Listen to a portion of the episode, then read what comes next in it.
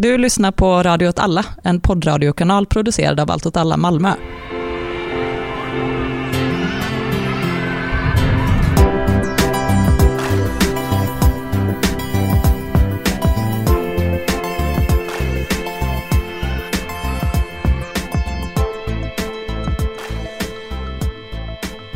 Eh, välkomna till Radio åt allas första avsnitt om det amerikanska valet. Ja, Ja, ja! Jag heter Anna och med mig har jag Myran Ja, hej, här är jag. och Kalle. Och ni två har ju två saker gemensamt. eh, ni brukar båda frekventera Radio åt alla. Du Myran i Eld och rörelse. Och Kalle i Välkommen till Malmö. Men ni har också det gemensamt att ni båda två följer det amerikanska valet i realtid. Det vill säga sitter uppe och lyssnar på presidentvalsdebatter medan de faktiskt pågår i USA. Jag har lite ställt om till amerikansk tid i mitt liv, känner jag. Jag vill också säga att det är inte som att du är oskyldig till det här för övrigt. Det är inte bara jag och Myran som gör det här. Nej, men du följer ju ändå det amerikanska valet rätt slaviskt. Precis. Så då skulle jag vilja fråga oss alla. Varför gör vi det här? Varför är vi besatta av det amerikanska valet? Två anledningar. För det första, det är världens mäktigaste land och så vill man veta vem som bestämmer där. Det är ju lite kul att hänga med. För det andra, vissa gillar sport och så. Jag gillar att kolla på eh, valstatistik istället för eh, sporttabeller liksom. Ja, för mig så är det nog mest att jag bara älskar amerikansk kultur väldigt, väldigt, väldigt mycket. Men också att jag eh, skulle ändå säga att jag är lite investerad i Bernie Sanders-kampanjen. Inte så mycket på grund av eh, något så väldigt eh, ideologiskt skäl, utan mest att den är väldigt peppig och ball. Och jag gillar valrörelser generellt. Eh, val i andra länder. Bra sätt att få koll på vad som sker i ett annat land. Vilka frågor som är på tapeten, vad som diskuteras, var konfliktlinjerna står. Och det amerikanska valet är ju det bästa valet av alla. För att det är supermedialiserat, ritualiserat, extravagant, utdraget, upphåsat, allt. Vissa gillar Mello, men de har liksom inte en sus mot det här liksom. Nej, nej, för det, det är så sjukt att de har liksom två faser av varje val. Där det första är vi ska hitta kandidater till båda partierna. För att göra det så ska vi göra en turné genom hela landet. In, inte heller så vi kör ett, en valdag för kandidat och sen en valdag för presidentskap. Utan vi kör en turné för kandidat. Av väldigt oklar anledning. Ja, verkligen. Den här podden är ju tänkt att vi ska berätta lite vad som händer i den amerikanska valrörelsen, analysera det, så att ni lyssnare kan känna att ni har god koll på vad som sker, men också att ni kan komma med en fin, solid analys på era jobb och skolor. Ehm, Är det så- det som är tanken då? Ja, bra. Jag tänker att det är det som är tanken. Ehm, så då kan vi kanske inleda med att prata lite om vad som har hänt tills nu. Vart befinner vi oss i valrörelsen? Vilka är det som är presidentkandidater? Hur långt har vi kommit? Hur har det gått? Till att börja med så är ju Donald Trump presidentkandidat. Nej. Alltså inte formellt sett, han måste också åka på en turné först, där det formellt beslutas, men ingen ställer ju upp emot honom. Så. Jo. Jo, men vad fan. De, de fick typ 20 röster. Ja, men, men alltså, båda partierna utser varsin presidentkandidat genom primaries, säger man väl? Primärval. Primärval, precis. Och sen så kan de gå till på olika sätt i de olika delstaterna. Och det republikanska anses ju redan avgjort för att, ja, som sagt, Trump fick 95% i det ena och så typ ännu mer i det andra. Men, nej, okej, men, men över 90% liksom av rösterna. Så han kommer ju bli den, såklart. Den sittande presidenten blir ju alltid partiets kandidat. Så Demokraterna har ju inte bara Trump och två anonyma ytterligare republikaner som ingen riktigt minns, utan Demokraterna har haft ett ganska saftigt startfält. Det har varit väldigt många kandidater. Ovanligt många har jag fått för mig att det har varit. Men nu är det inte lika många kvar. Men de som fortfarande är in the game är då dels Bernie Sanders, Som leder ju opinionsundersökningar. som leder. Han har vunnit de två senaste eh, primärvalen. Och det är ett statement. Nej, men det första primärvalet i Iowa blev ganska kaosigt. Eh, rösterna har räknats om.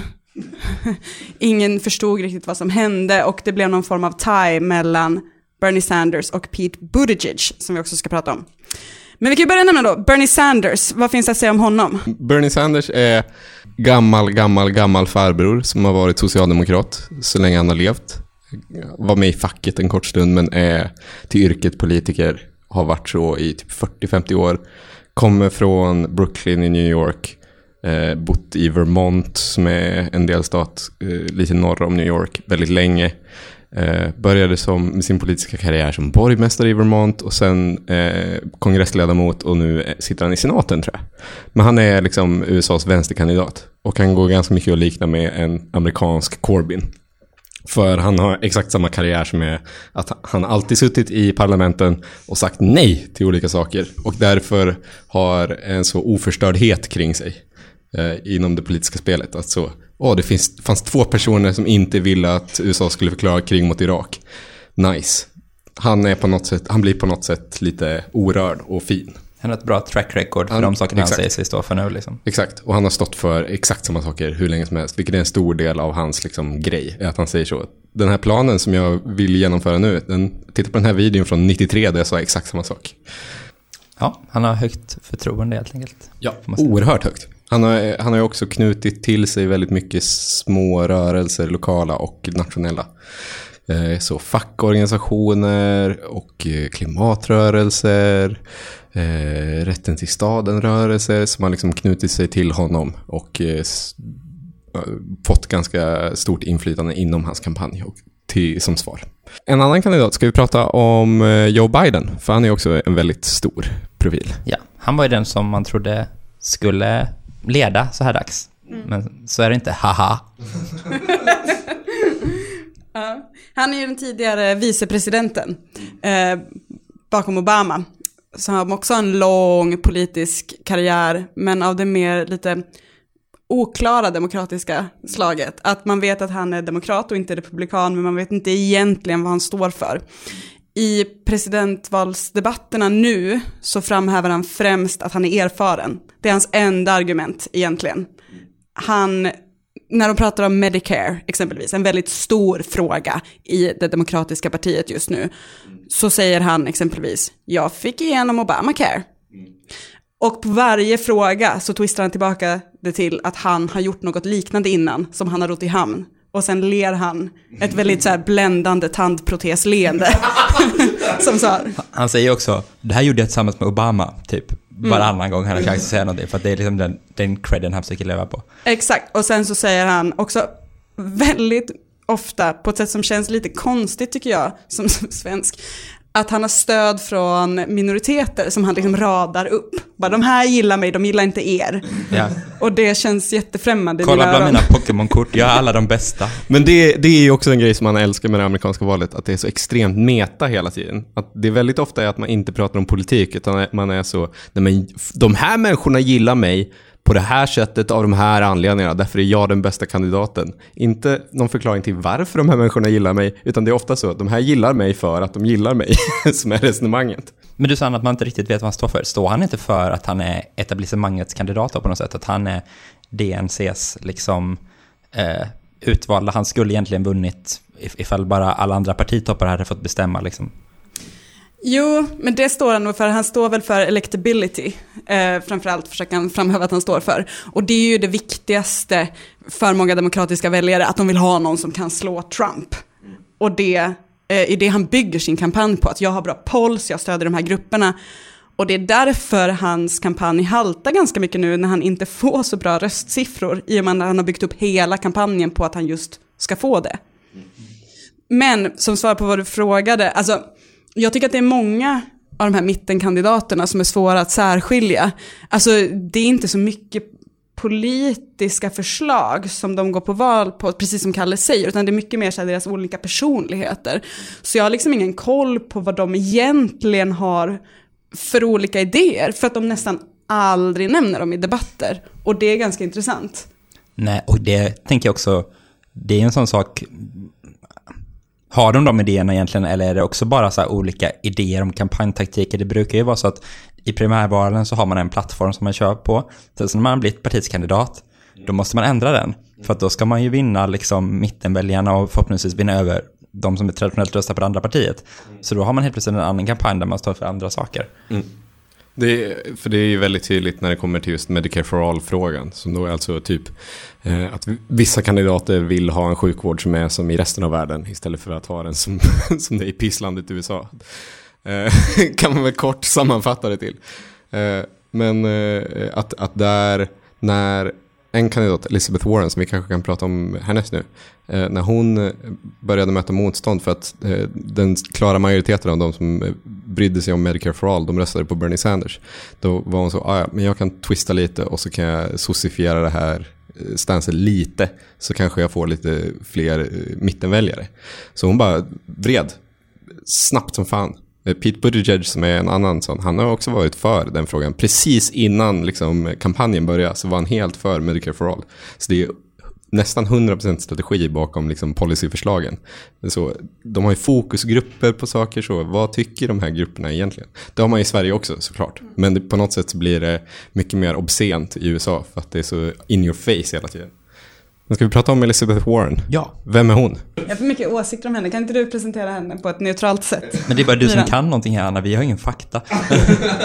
ja, men okej. Eh, Elizabeth Warren är en politiker som ändå började sin karriär ganska sent, men började som republikan innan hon bytte och blev demokrat. Och nu då står hon för någon sorts, mm, dels då eh, alternativet till Bernie Sanders som vänsterkandidat. Eh, liksom progressiva saker. Hon, de säger ju ofta att de håller med varandra i sak. Och också då att hon står mycket för den här, en kvinna kan bli president grejen. Liksom, det är väl hennes två stora pitchar liksom i... Hon är li, som Bernie fast inte lika galen och är kvinna istället för en man liksom. Ja, alltså där Bernie har patos också väldigt mycket, där han skriker ut att det amerikanska folket känner smärta. Så har hon liksom siffrorna på det, som förnuft och känsla. Men eh, nej, hon, eh, hon är ju en kappvändare.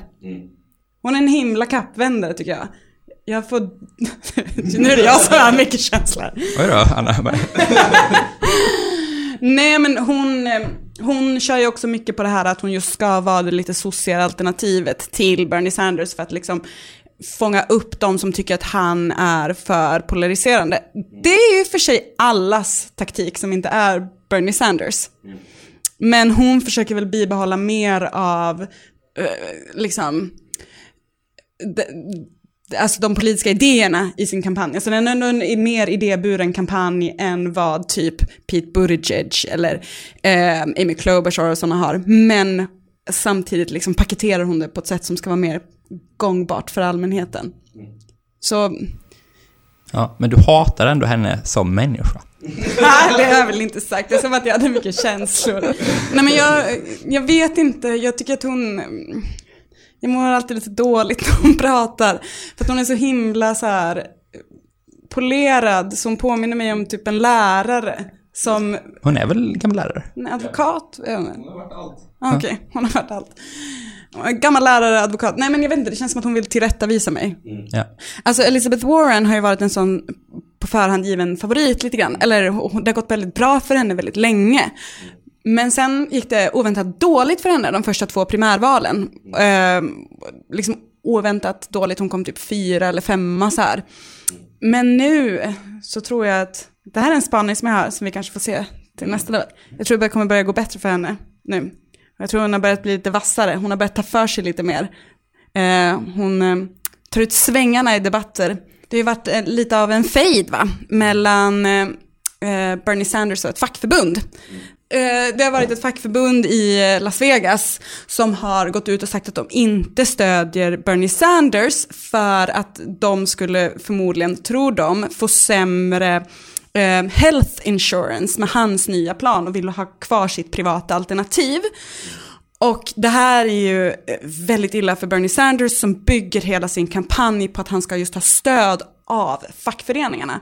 Och då har smarta, smarta Liz Warren smugit sig in, pratat med det här fackförbundet och använt det ganska tydligt mot Bernie Sanders. Sen har hon gått på väldigt tydligt mot de andra kandidaterna. Hon har liksom börjat armbåga sig fram och verkligen, ja, jag tror att hennes tid är nu. Ja, du, tror att det är en bra spaning också. Jag tror också hon kommer gå upp lite nu. Men man, man kan säga det att kampanjen har hållit på sedan i höstas någon gång liksom. Och i olika perioder så har ju liksom olika kandidater pikat och toppat. Hon hade väl en period där hon låg etta liksom ganska lång period, fast där inte kampanjen var inte så intensiv.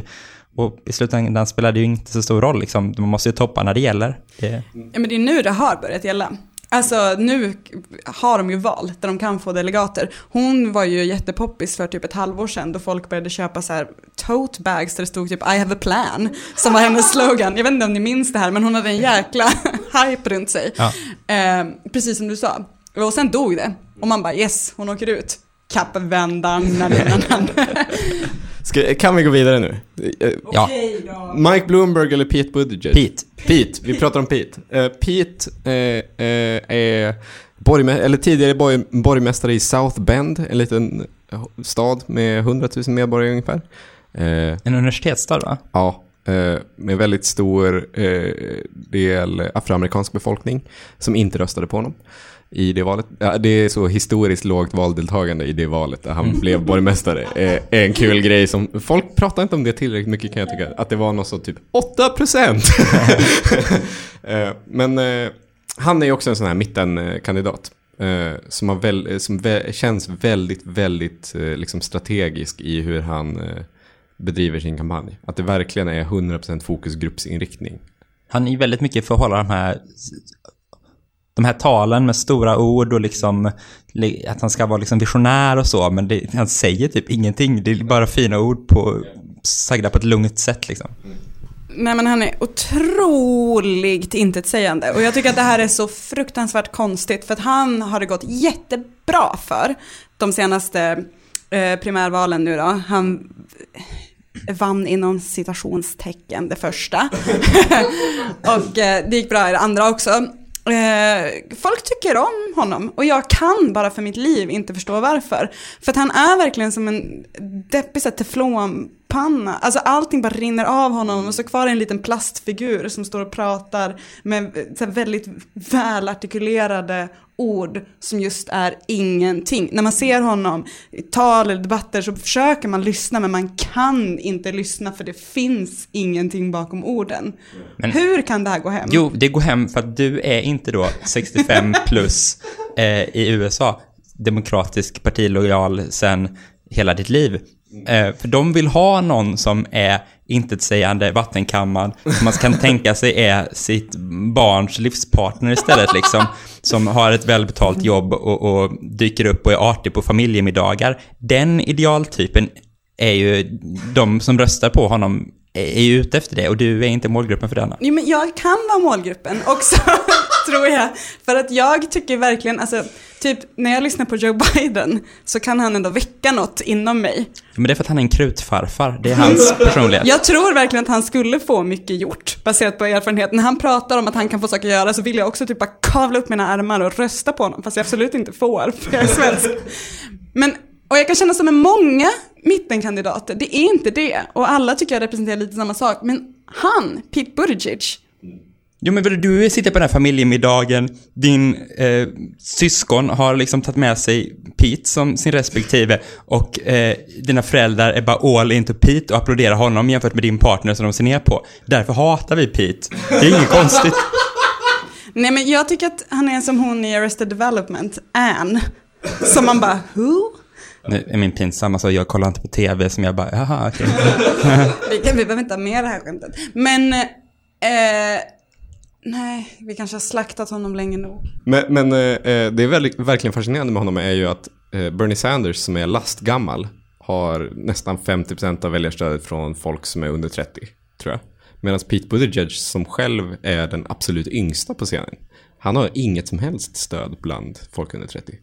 En annan sak som är väldigt konstig är att Pete Buttigiegs pappa översatte Antonio Gramscis inte konstigt alls. Fortsätt. Prisons Notebooks till eh, engelska. Antonio Gramsci är en av de mest framträdande marxistiska filosoferna genom tiderna. Ehm, Så pappa, pappa Buttigieg var ju uppenbarligen en god marxistgubbe. Varför har han fått ett så liksom polerat barn? Jag säger bara, hade han översatt Bordiga istället hade det här aldrig hänt. Det är allt jag säger. Ska vi prata om Mike Bloomberg? han är världens nionde rikaste person. Eh, för att förklara hur rik man är då så kan man förklara med en liknelse. Han är 12 gånger så rik som Mohammed bin Salman, Saudiarabiens kronprins. När de frågade honom bara, tycker du att du ska ha så mycket pengar? Han bara, I've worked hard. Men, men han, hans rikedom är väldigt konstig för han kommer ur, eh, det han gjorde var att han förstod det här när Wall Street började bli en grej, när finansvärlden började bli en grej på 70-80-talet, då var han så. Eh, den här nya eh, sektorn av ekonomin kommer behöva infrastruktur och kommer behöva verktyg.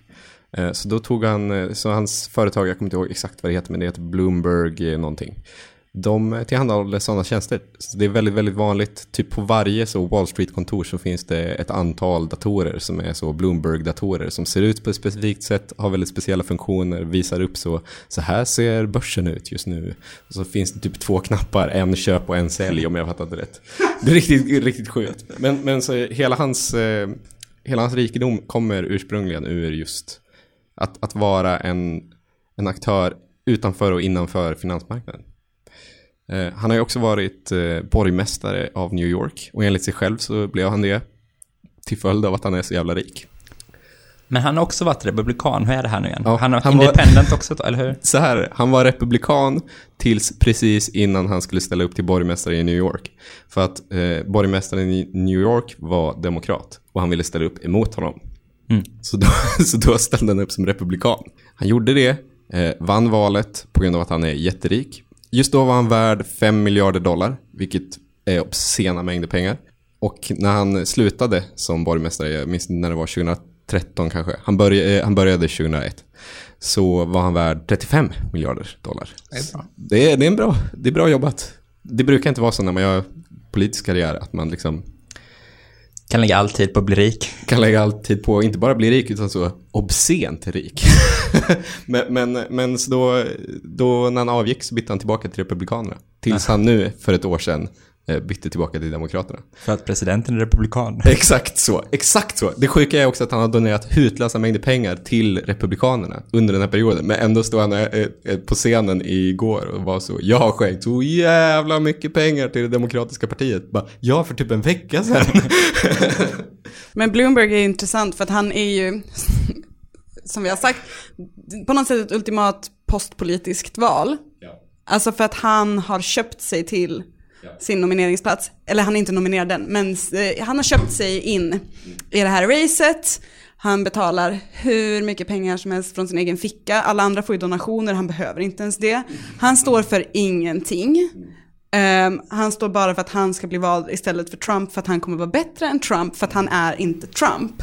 Och det är samma sak han kör internt i primärvalskampanjen, att han säger jag är inte Bernie Sanders, så rösta på mig liksom av den anledningen. Ja, men det går ju emot eh, det som Bernie säger att han står för. Det är, miljardärerna ska inte få köpa vårt parti och så kommer han in så bara Åh, Bernie, dåligt. Rösta, jag är en miljardär som köper partiet istället, rösta på mig. Så det blir väldigt två tydliga poler här. De som tycker man får köpa den här interndemokratin och de som inte tycker det. Liksom Bernie eller Bloomberg. Och jag tycker att det är intressant för att det är många journalister fattar liksom inte den här kritiken. De är så här, vadå? Han har köpt annonser, det får man göra. Han har inte gjort någonting olagligt. Han har, ehm, that's debatable, men och, bara, och han, ehm, vadå tycker ni att han har tjänat sina pengar på ett omoraliskt sätt? Alltså de kan liksom inte förstå bara den här problematiken i vad så pass mycket pengar innebär, vilken enorm makt det innebär och hur pass mycket det slår ut annat. Så förhoppningsvis så går ju hans kampanj i graven för att han är så okarismatisk som en plastbit verkligen. Alltså han har ett ansiktsuttryck och han kan typ inte prata. Men... Jag, sk- jag skulle säga att hans okarismatiska del, alltså absolut det, det är störigt, men i, i första hand så är han ju också ett monster. Ja, jag tycker det är bra att han är kvar. Han ska vara kvar så länge som möjligt. Han är ett, han är ett ri, riktigt, riktigt monster. Eh, han, har, eh, han har så en lång eh, historik av, eh, vad ska man säga, sexuella övergrepp. Vad det verkar i alla fall. Men i USA så har man ju inget riktigt rättssystem. Så eh, han är inte misstänkt för de brotten längre, för han har köpt ut eh, hans offer. Eh, men- Vilket var en riktigt episk debatt. Ja, det var ett ep- moment epic när moment. Elizabeth Warren satte honom på plats för det i, i natt då. Det var fantastiskt. Klockan... Kolla upp det klippet kan man ju 05.00. tipsa lyssnarna om. Ja. Eh, men, men det är också verkligen dystopiskt. Tänk om Mike Bloomberg vinner kandidaturen. Då är det alltså en eh, finansmogul från New York som ställer, står upp i val mot en annan finansmogul från New York. Och de är båda kompisar sedan oerhört länge. De spelar golf ihop och grejer. De har sagt I love you till varandra på video.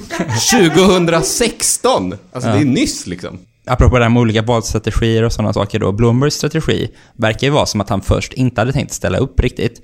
Men sen så gick han in och då säger han jag struntar i de fyra första valen som liksom traditionellt är då någon sorts upptakt där eh, man får lära känna kandidaterna, de får visa vad de kan gå för så att man på något sätt kan sortera ut de svaga liksom. Tills de riktiga valen där de flesta delegaterna fördelas kommer. Då ska liksom fältet vara mindre och, och starkare. Han säger, jag hoppar över det där, jag ställer inte upp i de här fyra första valen. Jag satsar alla mina pengar på reklam i de här delstaterna där de stora delegatmängderna kommer ifrån istället. Liksom. Så han har inte varit med förrän nu då. Och nu fick han vara med i debatten bara för att han har legat bra till ett par opinionsundersökningar och då är Demokraternas regler för vem som var med i debatt att då får man vara med också. Liksom. Ja, han ska ju inte vara med officiellt i de två kommande valen då i Nevada och i South Carolina, utan han satsar, det här sa du va, på allt på Super Tuesday. Men han ligger ju extremt bra till i polls även bland svarta och latinos. Och det är för att han har gått in i stater dit de andra kandidaterna inte har hunnit ens påbörja sina kampanjer än. Gått in och köpt upp typ all tv-tid där. Matat ut annonser. Och jag menar, vem man säger sig kunna rösta på är ju väldigt mycket så name recognition. Så han har ju sån otrolig name recognition nu i vissa stater. Han har spenderat motsvarande 2,5 miljarder svenska kronor i PR. Och det är mer än vad alla andra kandidater har gjort tillsammans. Allt ur egen ficka också. Mm, ur sin egen ficka. Det var därför han också inte fick vara med i många debatter. För att en annan regel man brukar ha är att man måste ha kommit upp i en viss summa av donationer från ett visst antal personer. Och han hade ju fått noll motsvarande svenska kronor av supporters. För att han inte har en egen fanbase. Han har ju också anställt alla som hjälper honom med sin kampanj. Alla andra är volontärer. Han bara, du får 60 000 dollars om du hjälper mig. Så han är riktigt creepy, precis som ni ser. En ondskefull, ondskefull man som har köpt sig in här, som det går jättebra för i Pols. Men min andra spaning som jag tror kommer börja sjunka ju mer han syns i egen hög person. För att jag tycker fortfarande att även om ni ser att han är ett monster och så, så är det fortfarande, alltså han, han säger typ heller ingenting. Han räcker aldrig upp handen och tar replik, han gör liksom egna framträdanden så på något sätt ju mer han syns i gruppsammanhang desto mindre finns han. Och det tror jag kommer vara till hans nackdel. Ja, okej. Nästa kandidat. En personlig hatkärlek.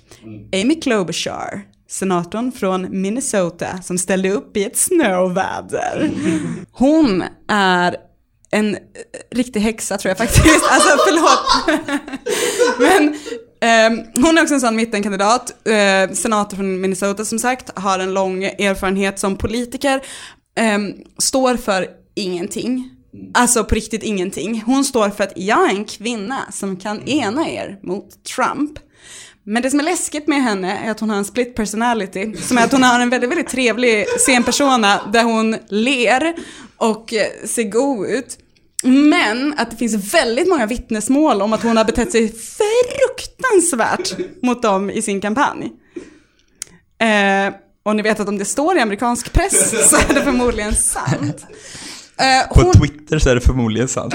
Exakt, och jag har ju läst det här på Twitter, så då kan man ju ändå tänka sig att det faktiskt finns sanning bakom det. Jag tycker det tillför till hennes person att hon är, är klämkäck och härlig på scen, säger eh, riktigt, riktigt dåliga skämt. Men att hon också bara kan slå om och bara kasta en häftapparat i någons ansikte. Härligt. Jag tycker ändå det är... Karaktär. Det är ändå karaktär. Men, men alltså, när vi säger att vi gillar folk och inte gillar folk här, då är det ju på nivån Ja, ja, den här här- personen hejar jag på i Idol. Eller hur? Ja, ja, ja, alltså det här är fruktansvärt postpolitiskt. Jag säger ju att jag gillar Joe Biden och Amy Klobuchar nu. Jag gillar ju inte dem som att jag, att jag på något sätt sympatiserar med dem egentligen. Men alltså man kan ju gilla folk på lite olika sätt på det här. Alltså, Amy Klobuchar är en sån som jag verkligen kan vara ett fan av när jag hör henne. Men som att jag sen också blir rädd. och att jag bara, "Ah, jag vill vara nära dig men då kanske jag också dör. tänker jag. Ehm, en sak som jag tycker är väldigt, väldigt, väldigt pinsam med henne är tyvärr att hon är väldigt dålig. Ehm, hon blev tillfrågad i en intervju nyligen om huruvida hon visste vem Mexikos president var. Det kunde hon ju inte svara på. Då Och så hon, sa hon inte bara, nej tyvärr, jag är ledsen, jag kan inte det här. Utan hon bara så, jag vet inte vad han heter kanske, men däremot kan jag berätta det här för dig. Man bara, vi bryr oss inte om vad du kan berätta istället, för det var inte frågan. Så nej, pinsamt. och sen gav till slut intervjuaren henne också namnet på den här presidenten han bara okej men k- vet du överhuvudtaget vad han står för? Det kunde hon inte heller svara på. Vilket är konstigt då i och med att hon har jobbat med de här frågorna innan i sin politiska karriär. Men också för att hon är presidentkandidat. Alltså USA har två grannländer. Två! Mexiko är extremt stort. Hela USAs politik har dominerats i sex år om vad man ska göra med gränsfrågan mot Mexiko. Och här kommer en presidentkandidat som inte vet överhuvudtaget något om politiken där. Alltså det är anmärkningsvärt hur dålig hon är. Men på riktigt, vet du vad Norges... Eh, jag har ingen aning liksom. Så, Nej men jag är inte Nej, nej, det är den stora skillnaden, Det är, typ, absolut. det är typ som att, att vår statsminister inte skulle veta, nej. eller en statsministerkandidat inte skulle veta vem Tysklands Nej, president var eller från vilket parti det var. Okej, så finns det ytterligare en kandidat som ändå på något sätt är med i racet i några delstater i alla fall. Ja, på något sätt. Det, ja, på något sätt, absolut. Inte riktigt. Nej. Det finns ju några så här typ låtsaskandidater också som har så här typ 0,5 Tulsi Gabbard. 5% stöd som aldrig kommer. Men Steyer har ändå i opinionsmätningarna nu 10% i South Carolina till exempel. Ja, så det är ju, 10 till 20. även Alltså, if han aldrig kommer ta nomineringen själv så kan han ju till exempel knuffa ner någon annan så att den får mindre delegater. Därför är han fortfarande relevant. I specifikt South Carolina. Troligen inte någon annanstans. Okej. För han, han har lagt hela sin kampanj på South Carolina. Det är en väldigt konstig strategi. För det är den tredje, eh, fjärde delstaten. Men han är som en, en Bloombergs goda tvilling på något sätt. Ja, de ser lika onda ut båda två. Jo, Tom Steyer ser Han har riktigt ond ut. Konstigt tomt i ansiktet. Han ser ut som ett skelett. tillplattad. Tom Steyer är jättesöt. Jag tycker han har ett jättecharmigt och trevligt utseende. Han är lite som en sån leksak. Eh, papegoja! Han är lite som en papegoja. För att i alla debatter... Papegojor är inte leksaker. eller? Eh, nej men i alla debatter så det enda han säger är att han håller med andra. När andra har pratat. Kanske allra oftast Bernie Sanders. Men anledningen till att säga att han är Bloombergs goda tvilling är ju för att han också är någon sån miljardärskandidat, eller hur? Vad är han rik på, Kalle? Det vet jag. Han är, han är bara så allmän finanskille. Ja. Han har bara ägt mycket saker. Och sen får han jättemycket pengar för att han äger saker.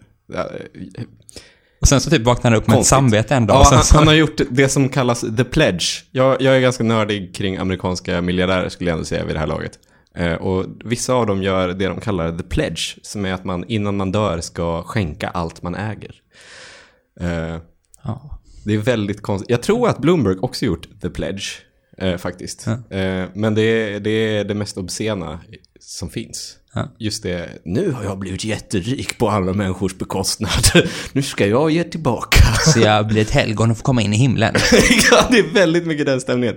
Men en del av hans eh, pledge är då alltså att han har i tio år nu, det var tio år sedan han gjorde the pledge enligt sig själv. Så har han eh, så hjälpt eh, små communities eh, med, med juridik och sånt. Så ni har problem med det här lokala eh, industrin, att ni blir sjuka. Ah, ja, men jag skickar massa pengar och så är jag med på rättegången. Eh, han har gjort den grejen i tio år. Eh, men nu, nu är hans del av the pledge att han försöker bli president. Skänker pengar till min kampanj. Men hans stora grej nu då är klimatfrågan, eller? Ja. My number one priority, säger han hela tiden. Gång på gång på gång. Det, det är bara så roligt också för att han är ju han är ju fortfarande graderad under Bernie Sanders i så hur bra man är för klimatet enligt alla klimatrörelser i USA.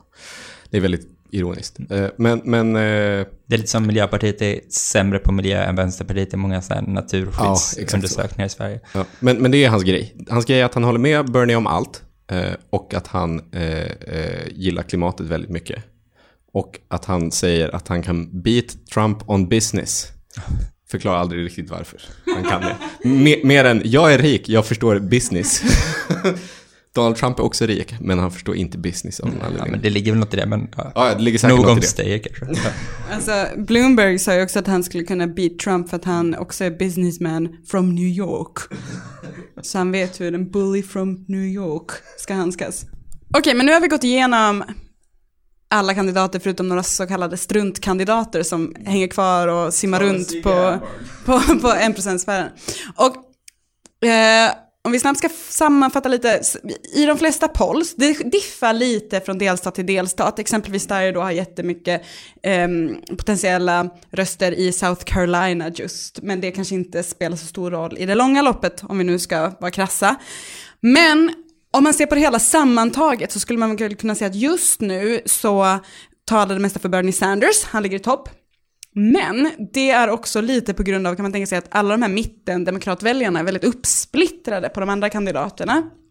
Och där så ligger just nu Bloomberg ganska bra till. Särskilt i nationella polls ligger han högt. Och sen så kommer liksom Buttigieg, Klobuchar, Warren, Biden, alltså alla ligger mellan så här runt 15, fast det pendlar ner till 10, upp till 20 ibland. Men som en, ett enda gytter. Så, så vad tror vi, om vi ska säga om vad som kommer hända? Det stämmer ju att Bernie hjälps jättemycket av att hö- mittenrösten blir splittrad jättemycket för det finns mycket mittenkandidater. Men det finns inte så mycket statistik kring det, men det finns vissa polls som visar också att eh, de polls som också mäter andrahandsval, de visar att Bernie leder även där. Så, och då är det ganska få polls, så man ska inte lita på det så mycket. Men om man, om man ska utgå ifrån det så är det väldigt tydligt att Bernie leder stort. För han leder även bland de som just nu röstar på någon annan. Men så såg det väl även ut innan det första primärvalet som var då en som det kallas caucus i Iowa. Och det är ett väldigt speciellt röstförfarande. Det är ju typ som man gör den här eh, fyra ett rum, övningen i en gympasal i mellanstadiet. Alla ni som tycker det här, gå och ställer er i det hörnet. Fast istället då gör man det med kandidaterna. Ma- Man gör det för att bestämma vem som potentiellt blir världens mäktigaste man. Precis. Eh, och, och då är grejen att när man först har ställt sig och delat upp sig, då ser man ju vem som har väldigt få röster och så. Och då får man ha en process där man försöker övertyga dem. Kom bort till vårt hörn istället. Var med vår kandidat istället. Och då... Så enligt den, de siffrorna som du refererade, Kallis, så skulle ju alla de här tagit sitt andrahandsval och gått över till Bernie istället. Ja. Men i praktiken så var det ju Bernie som fick minst av dem, utan de, Ja. istället gick de från en moderate till en annan, alltså en Ja. mittenkandidat till en annan. Och, Ja. och så växte de, liksom, de gangade upp med varandra istället. Men, men jag tror ju att, alltså jag tror ju också att, eh, om, eh, om- om vi ska börja det här med, vilka är det som kommer försvinna?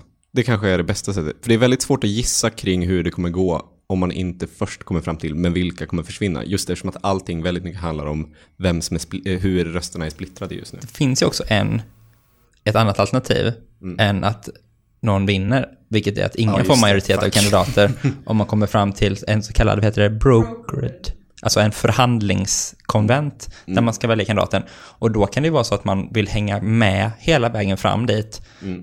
Fast man typ ligger sist så ska man bara, så är det den som alla kan acceptera, typ en sån kandidat som typ sossarnas eh, partiledarval är ibland. Att liksom, Typ varje gång.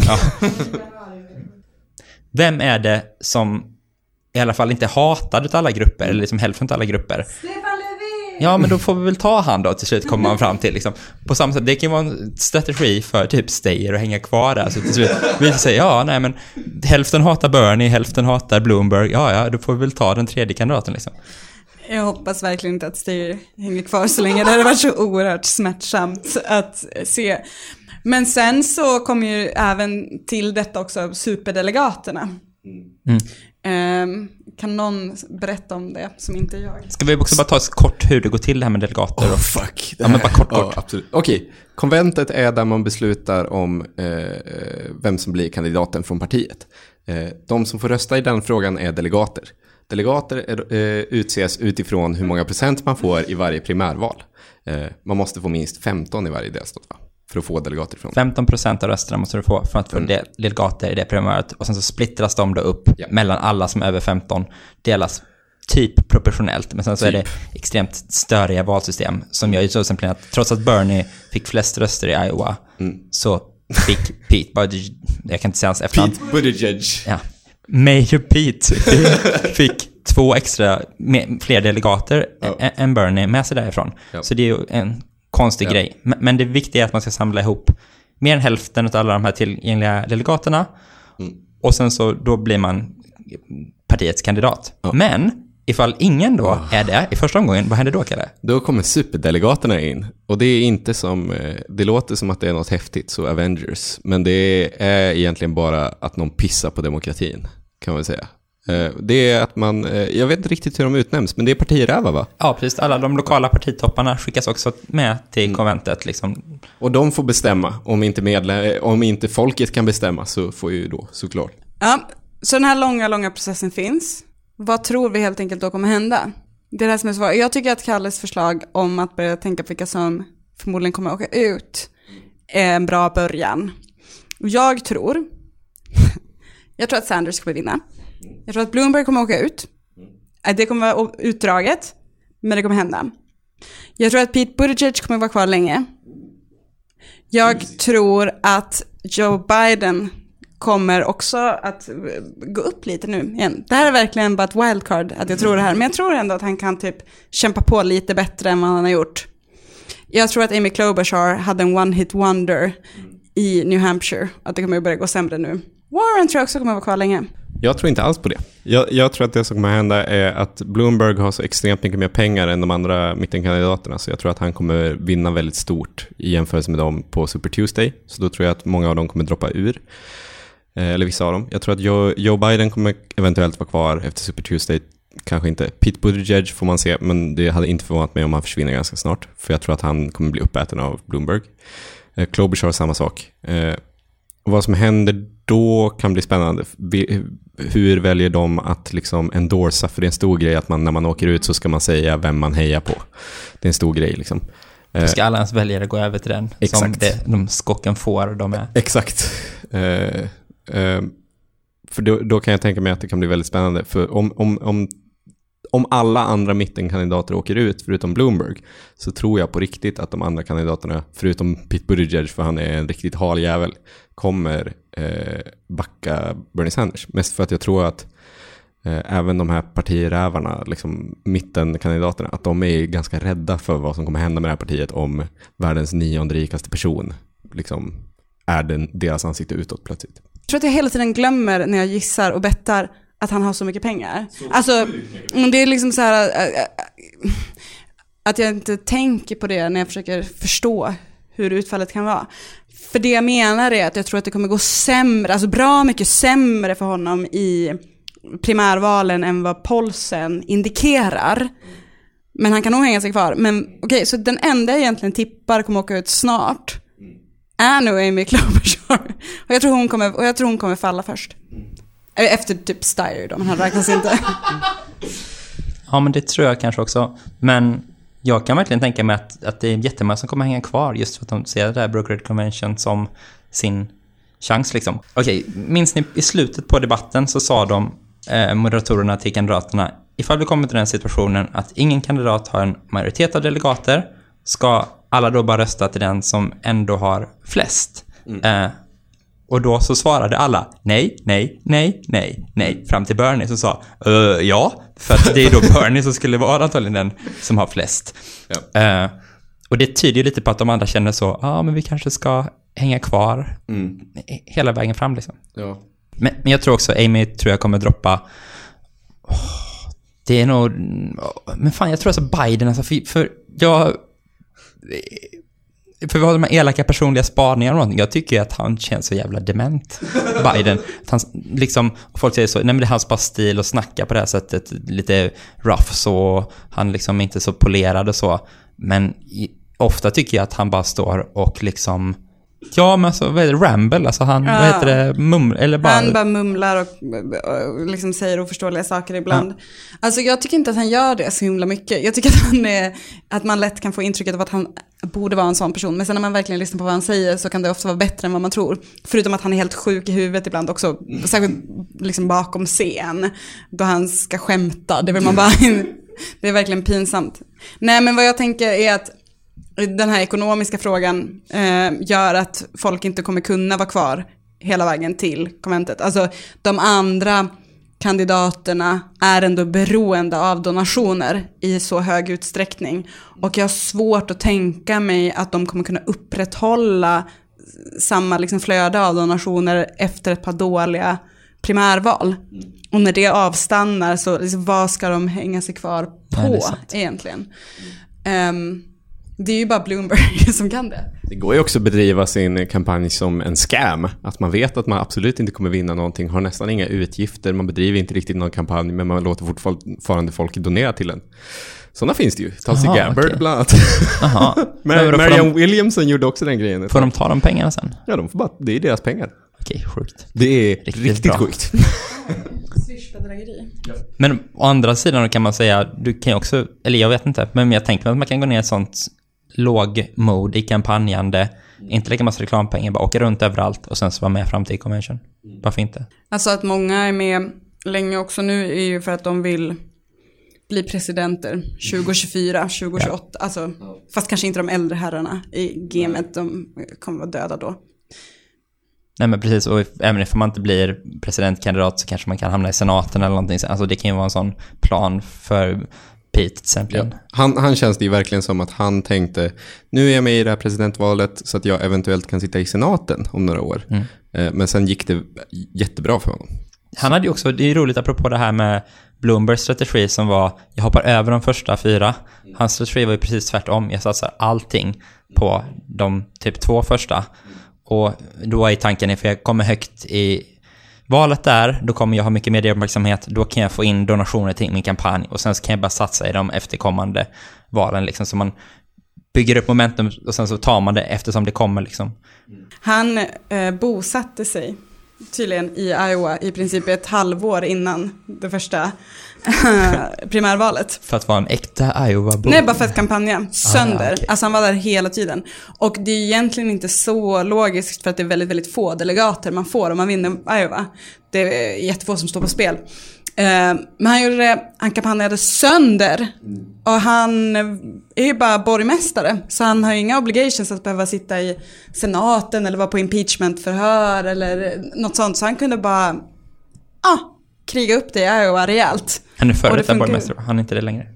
Nej, före detta menar jag. Mm. Ja. Nej, förlåt, jag är inte meningslös. En annan liten spaning som eh, eh, är ju, eller sak man borde nämna är ju att det finns två jätteriktiga delstater som kommer upp här nu härnäst i, på Super Tuesday. Och det är den första, som är 3 mars, eh, är det val då i 12 delstater. Varav två eh, är eh, California och Texas.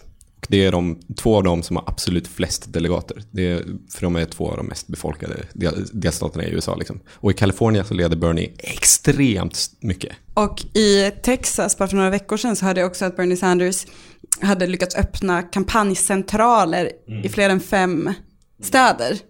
Alltså inte bara det finns en person som kampanjar, utan riktiga sådana centraler. Så att, alltså, det- tyder ju på att han kommer ha en extremt stark kampanj även där. Ja, ja, okej. Bernie Bros. Ja. ja, men för vi kanske ska prata lite mer om det här varför eh, jag och Kalle är eh, peppade på den här eh, rätt sossiga gubben. Gör, gör ett case då, ska vi se. Jag skulle säga att det jag tycker är intressant med Bernie Sanders är inte så mycket han som person, inte så mycket hans specifika reformprogram nödvändigtvis, utan snarare att eh, han genom sin kampanj gör två separata saker som är väldigt intressanta.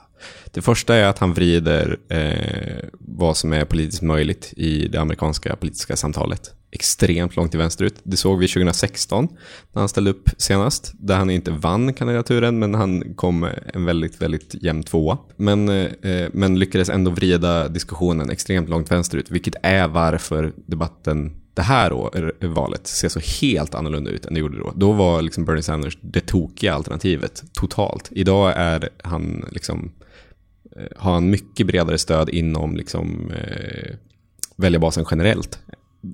Förra valet var det i stort sett bara ungdomar och eh, minoriteter. Och väldigt fattiga människor. Idag är det väldigt fattiga människor, ungdomar och minoriteter som är bas, men eh, eh, han har väldigt mycket stort stöd även utanför de grupperna. Så det faktum att han har eh, liksom hegemoniserat eh, en ganska radikal vänsterdiskussion eh, tycker jag är intressant. Men och det som kanske är mest intressant är eh, med hans kandidatur, men också med Trumps kandidatur, är att de båda går till val på att döda etablissemanget och Centern. Att mitten i amerikansk politik är utdöende och att den inte känns som ett relevant politiskt alternativ längre.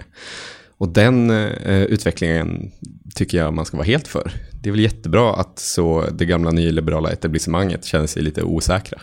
Ja, det kanske det, eller varför? Det, det är spännande. Det är kul att följa den utvecklingen, det tycker jag också. Det är därför jag också eh, sitter och gnugga händerna när Bernie säger elaka saker till andra kandidater och sånt. Eh, och liksom går igång mot miljardärerna och den liksom populismen och så som han står för är spännande. Men jag tycker det finns ju väldigt lite som har på något sätt någon koppling till det politiska projektet jag tycker att vi håller på med. Liksom. Eh, det är ju ändå så här, de bara “Bernie, du är socialist”. Han bara “Wow, wow, wow. Det betyder bara att jag vill ha det som i Danmark”. Och vi är bara så här, Fy fan för Danmark, jävla skitland där de, socialdemokratin är all out rasister nu för tiden. Bernie bara, det är det bästa man kan tänka sig.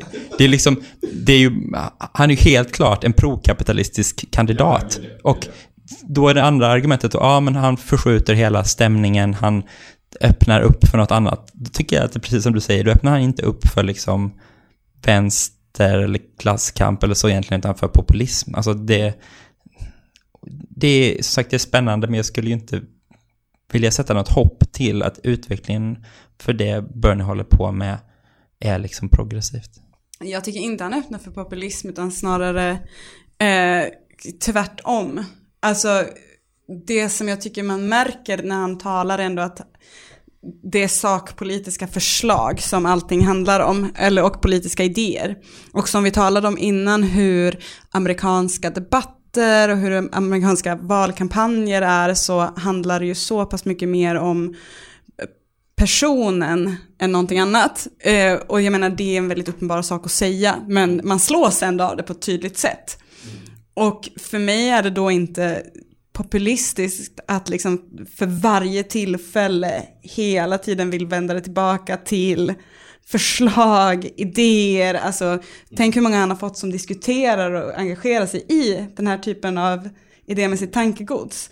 Och alltså han har ju definitivt också gjort någonting i USA, man tänker sig att, eller inte bara han utan rörelsen med honom, att fler unga i USA idag eh, positivt inställda till socialism än kapitalism.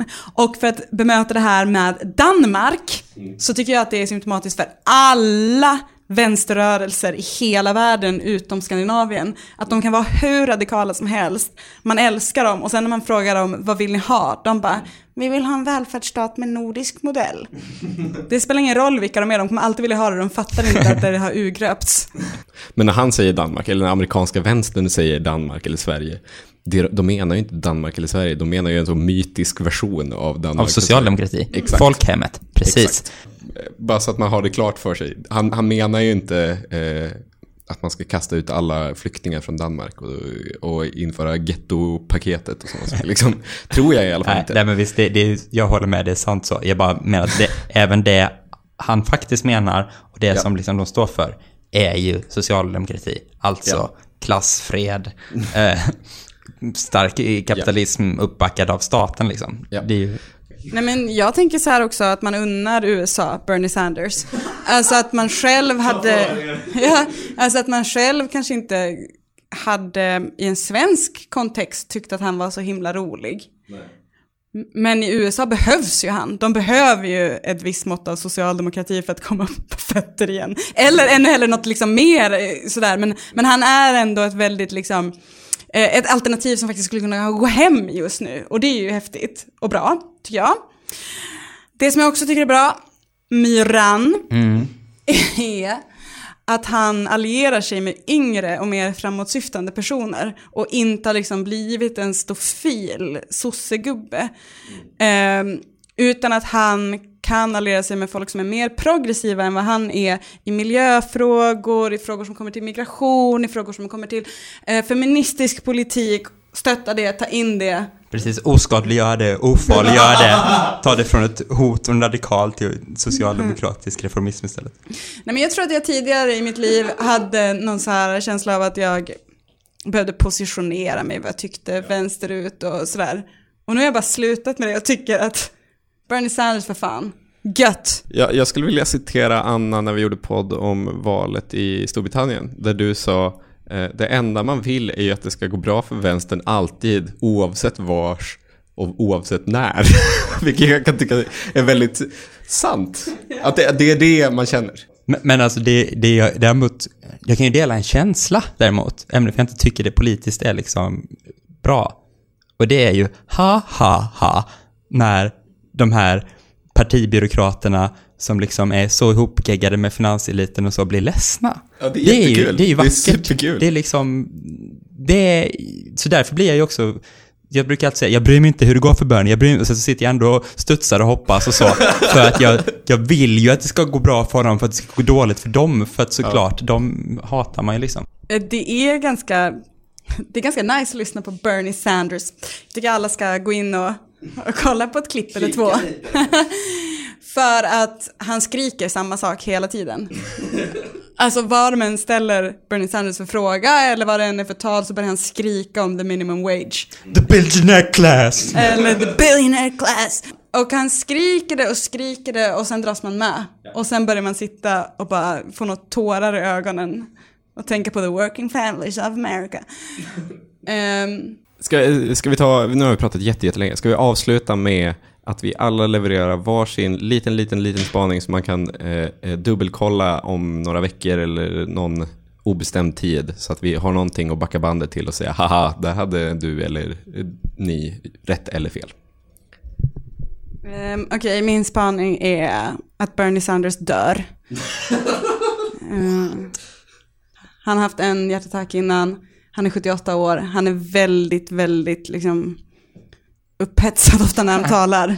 Ehm, så jag är väldigt rädd för hans hälsa och jag tror att han, min spaning är att han kanske dör. Det kan vi enkelt kolla upp. Okej, min spaning är att vi kommer få se mer av den här eh, Bloomberg eh, ska eh, säga upp de här avtalen med sina före detta anställda om att de inte får berätta om övergrepp. Eh, för att han försvarar sig i debatten om det och det är en punkt de kommer fortsätta hugga på ifall det finns någon sorts liksom, integritet hos amerikanska reportrar så kommer de inte släppa det. Nej. Jag tror, eh, för att hugga vidare, jag tror också att Bloomberg kommer sälja, eh, eller kommer pusha att han kommer sälja allt han äger om han blir president. Eh, och, och det kommer ju vara intressant. Ja. Det, det är en intressant makroekonomisk fråga. Vad händer när världens nionde rikaste människa säljer allt han äger? Vad händer då? Tack för de här spaningarna. Jag tycker att min är lättare att kolla upp än. Ja. Okej, då säger jag att eh, Biden hittas gående på liksom en bakgata någonstans, dement och liksom borttappad. Ja. Har han redan gjort. Ah. Tack och hej, vi ses igen snart.